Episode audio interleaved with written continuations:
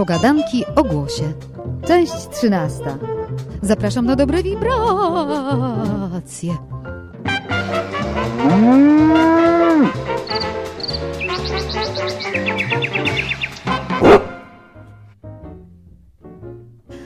No najchętniej to zabrałabym Was teraz e, i siebie również e, do przyszłości, do czasów, e, w których żyli Ella Fitzgerald i Louis Armstrong. No ale ponieważ takiego wehikułu czasu nie mam, to zabierać nas będzie tam po prostu muzyka jazzowa. And I seem to find the happiness I see when we out together, dance cheek to cheek. I choć głównym bohaterem dzisiejszej audycji jest tylko Ella, to Luisa będzie w niej troszeczkę, a może nawet więcej niż troszeczkę. E, no i to z kilku powodów. Pierwszy powód jest taki, że i Ella i Louis mieli bardzo podobne dzieciństwo, zresztą jak większość afroamerykańskich e, dzieci w tamtych czasach. No, Louis urodził się w 1901 roku w Nowym Orlanie, a Ella 16 lat e, później w stanie Virginia w Newport News. I oboje zmagali się z tymi samymi problemami. To były czasy, kiedy w Stanach Zjednoczonych istniała segregacja rasowa, prawnie uregulowana, która oficjalnie trwała do lat 60. To wtedy biali i czarni chodzili do osobnych szkół, mieli osobne toalety publiczne, mieli osobne ławki w parkach, osobne pociągi, no a nawet miejsca e, w restauracjach. Może słyszeliście historię o tym, jak już w okresie zaawansowanej kariery wokalnej Ellie Fitzgerald nie wyrażono zgody na jej koncert w jednym z najbardziej znanych klubów muzycznych Mocambo. I wtedy wstawiła się za nią Marilyn Monroe, e, szantażując właściciela klubu tym, że jeśli on wyrazi zgodę na koncerty Eli w tym klubie, to Merlin będzie się stawiała e, na każdym e, z nich. No i oczywiście właściciel się zgodził, prasa zrobiła wiele szumu wokół tego, i bardzo często w biografiach Helli e, wspomina się, wyróżnia się ten fakt jako mm, taki przełomowy w karierze Elli, która dzięki e, właśnie tym koncertom zaczęła być popularna wśród tak zwanej białej publiczności. Ale jest jeszcze drugi powód, a nawet trzeci obecności Louisa Armstronga w, w tej audycji. No, losy Ellie i Louisa jako artystów e, splątały się ze sobą. Oni bardzo często razem koncertowali. I obydwoje rozwijali jazz i popularyzowali go nie tylko w Stanach, ale i na świecie. On jako trębacz, jako wokalista, mistrz skatu, a ona potem mistrzyni skatu, bo bardzo szybko mm, dogoniła go w, w tej umiejętności. No i ten trzeci, chyba dla mnie najważniejszy powód jest taki, że i Ella i Louis Armstrong e, są w gronie moich ulubionych artystów, tak zwanych artystów doskonałych, tych e, utalentowanych muzyków, niezwykle wrażliwych, ale też e, po prostu dobrych ludzi. I myślę, że już teraz przyszła pora na to, żeby za pomocą muzycznego wehikułu przenieść się w czasy dzieciństwa, dzieciństwa Elli, e, które, jak sama w, wspomina w swoich wywiadach, odegrało bardzo duży wpływ e, na jej późniejsze życie e, zawodowe, już jako artystki. Dlatego pomoże nam w tym piosenka, piosenka z jej dzieciństwa, którą bardzo często słuchała razem ze swoją mamą.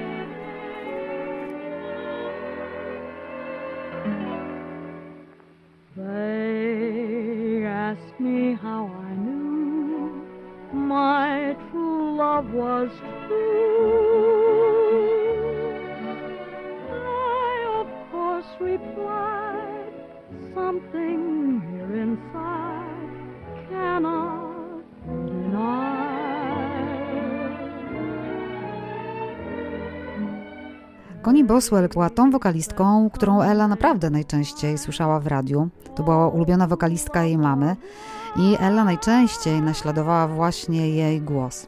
I chociaż zawsze marzyła zostać tancerką, to, to tak naprawdę mm, bardzo dużo e, śpiewała. No tyle samo, co tańczyła. Ale jakie było to dzieciństwo Elli? Czy ona była szczęśliwa? Go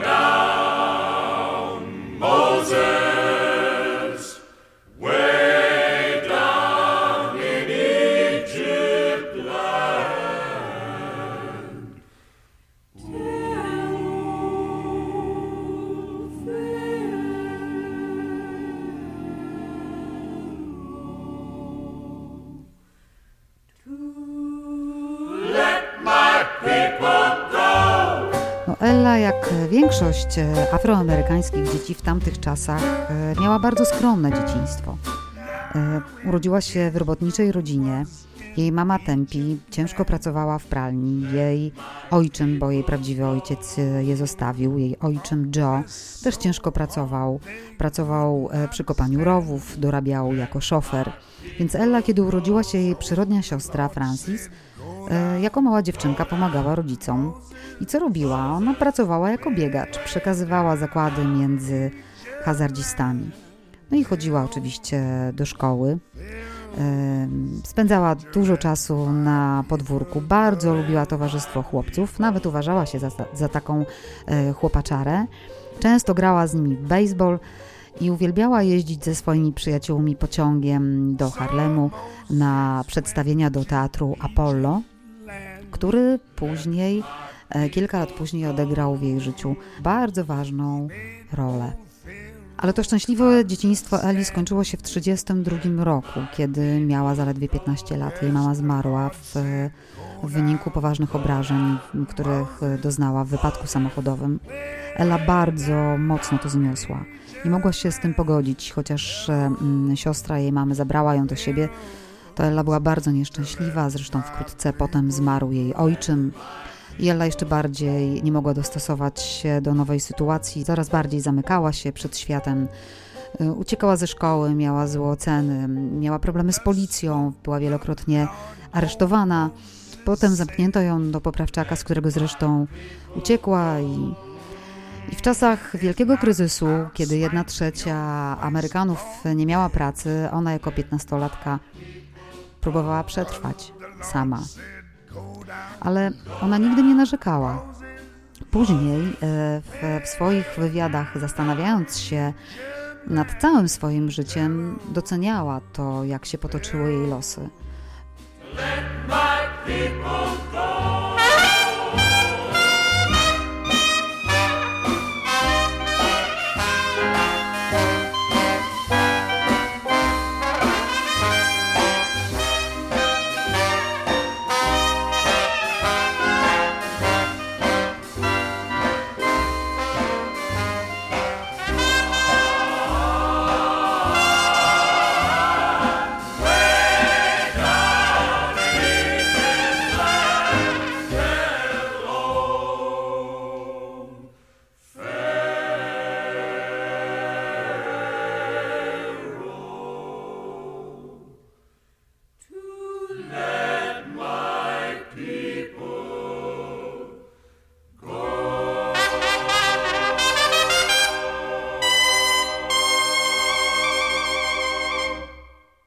I może właśnie to wszystko, co spotkało kilkunastoletnią Ellę, to, że zanim dorosła, straciła rodziców, to, że nie miała domu, to, że nie miała dokąd pójść i do kogo, może to sprawiło, że w 1934 roku stanęła w teatrze Apollo, to w tym teatrze, do którego jeździła pociągiem ze swoimi przyjaciółmi, by wziąć udział w konkursie talentów. E, I tak jak to sobie wcześniej wymarzyła, miała zatańczyć, ale kiedy przed swoim występem zobaczyła występ sióstr Edwards, to w ostatniej chwili zrezygnowała z tego pomysłu i postanowiła, że, że zaśpiewa piosenkę. Jaką piosenkę wybrała? No piosenkę, którą śpiewała Connie Boswell. No i zrobiła to. Stanęła w, przed publicznością, rozczochrana i w brudnej sukience, nieśmiała. Jak zaśpiewała, to zdobyła serce publiczności. Jak sama później wspominała, to była ta chwila, w której poczuła się naprawdę szczęśliwa. I zrozumiała wtedy, że to jest to, co chce w życiu robić śpiewać przed ludźmi do końca życia.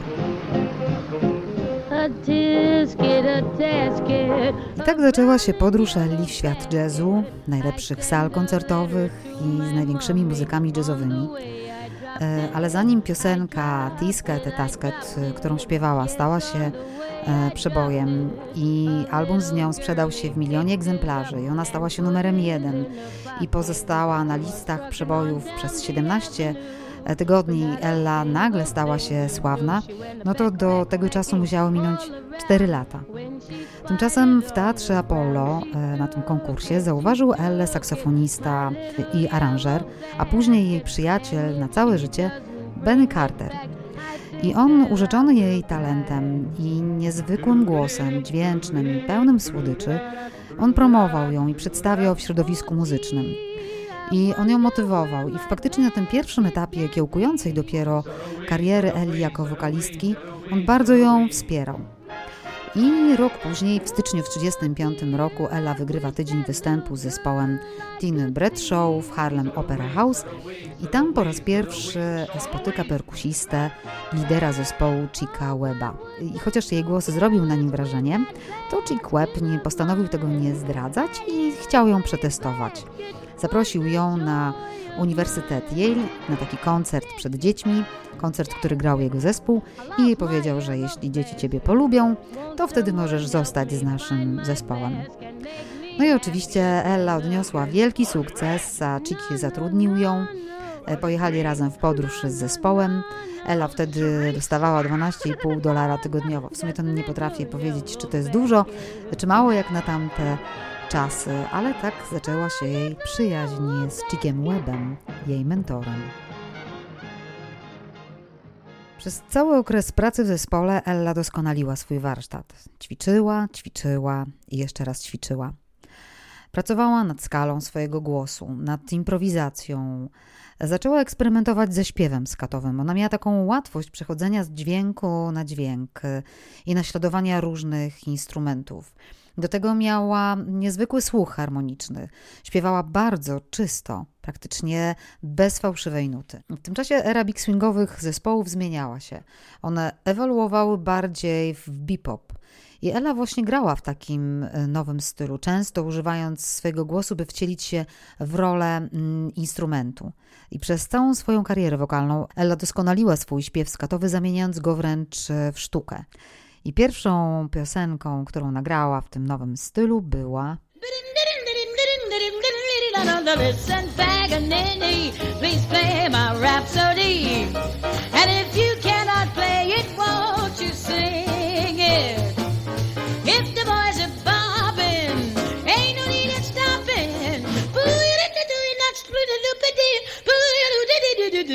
And and listen, Paganini, we breathlessly await your masterful baton. Come on and spring it.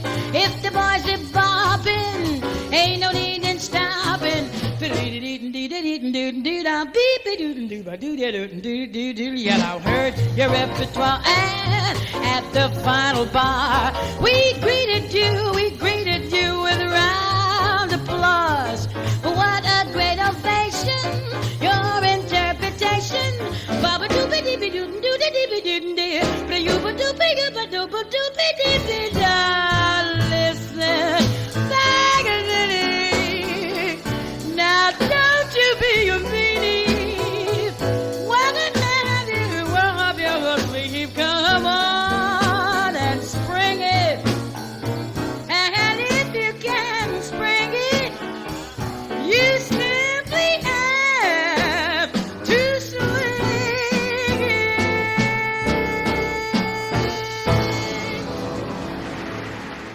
Ella Fitzgerald postawiła 100 lat temu poprzeczkę wokalną tak wysoko, że nikomu jak dotąd nie udało się jej pokonać.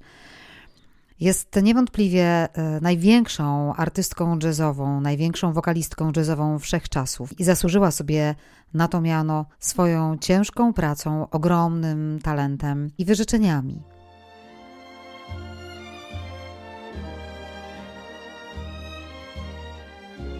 Niestety życie dorosłej Ellie wcale nie było usłane różami, jak wskazywałoby na to miliony sprzedawanych e, płyt. W 1939 roku, kiedy miała 22 lata, Chick Webb zmarł i Ella wyraźnie straciła grunt pod nogami. Przestała czuć się bezpiecznie.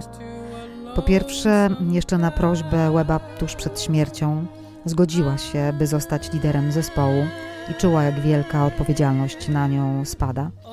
A po drugie, chyba ze strachu, poślubiła zaraz po śmierci Chika robotnika portowego z kryminalną przeszłością, o czym w ogóle przed ślubem nie wiedziała. Oczywiście to małżeństwo nie przetrwało i ślub został unieważniony. Chociaż kilka lat później zakochała się w basiście Rayu Brownie i wzięli ślub w 1946 roku. to i to małżeństwo nie przetrwało, e, chociaż e, razem adoptowali e, chłopca Reja Juniora.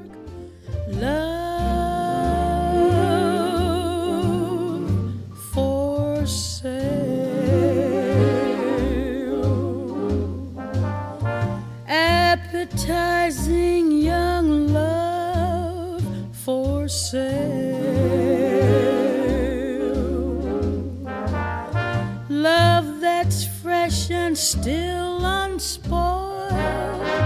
Love that's only slightly soiled. Love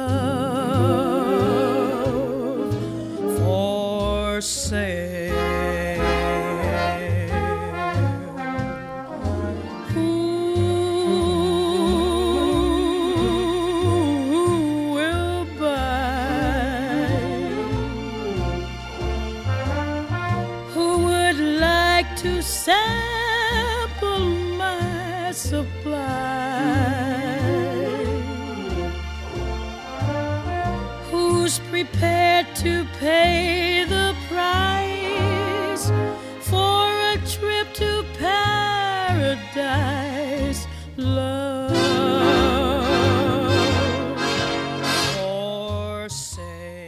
Ela miała jedno zmartwienie. Ona bardzo kochała dzieci ale sama nie mogła ich mieć. Przez całe swoje życie prowadziła fundację, która wspierała sieroty, która fundowała dzieciom talentowanym stypendia. Tam przelewała swoją miłość i potrzebę macierzyństwa, której nie dano było jej doświadczyć. Jeśli zamkniecie teraz oczy i wyczulicie swój słuch na frazę muzyczną, którą prowadzi Ella, to usłyszycie w tej frazie wszystkie uczucia, jakie towarzyszyły jej przez całe jej życie. I smutek, i radość, i żal, i strach, i szczęście. Myślę, że największy talent Ellie polega na tym, że ona potrafiła potrafiła oddać w dźwiękach e, swoje uczucia, to co czuła, że tam właśnie przelewała tą swoją wrażliwość na świat i na ludzi.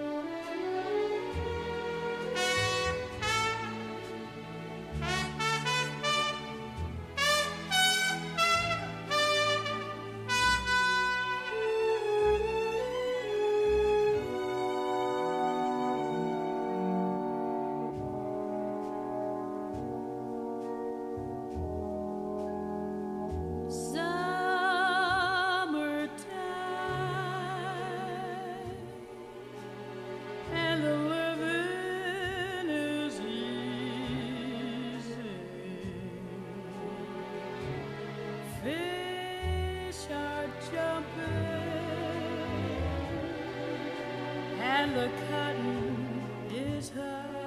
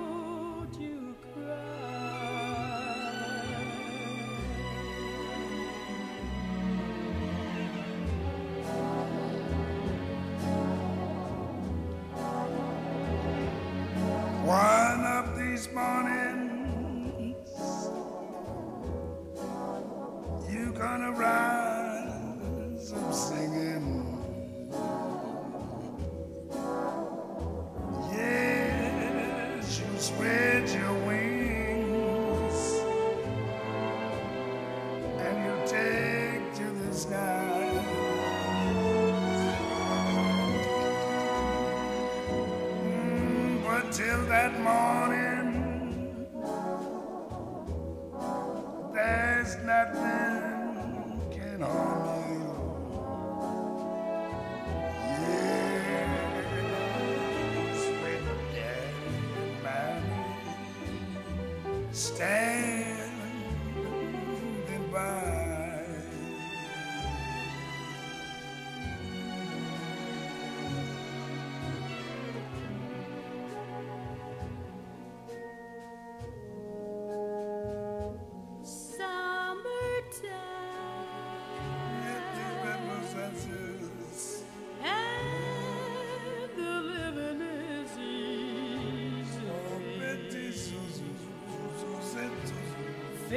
show.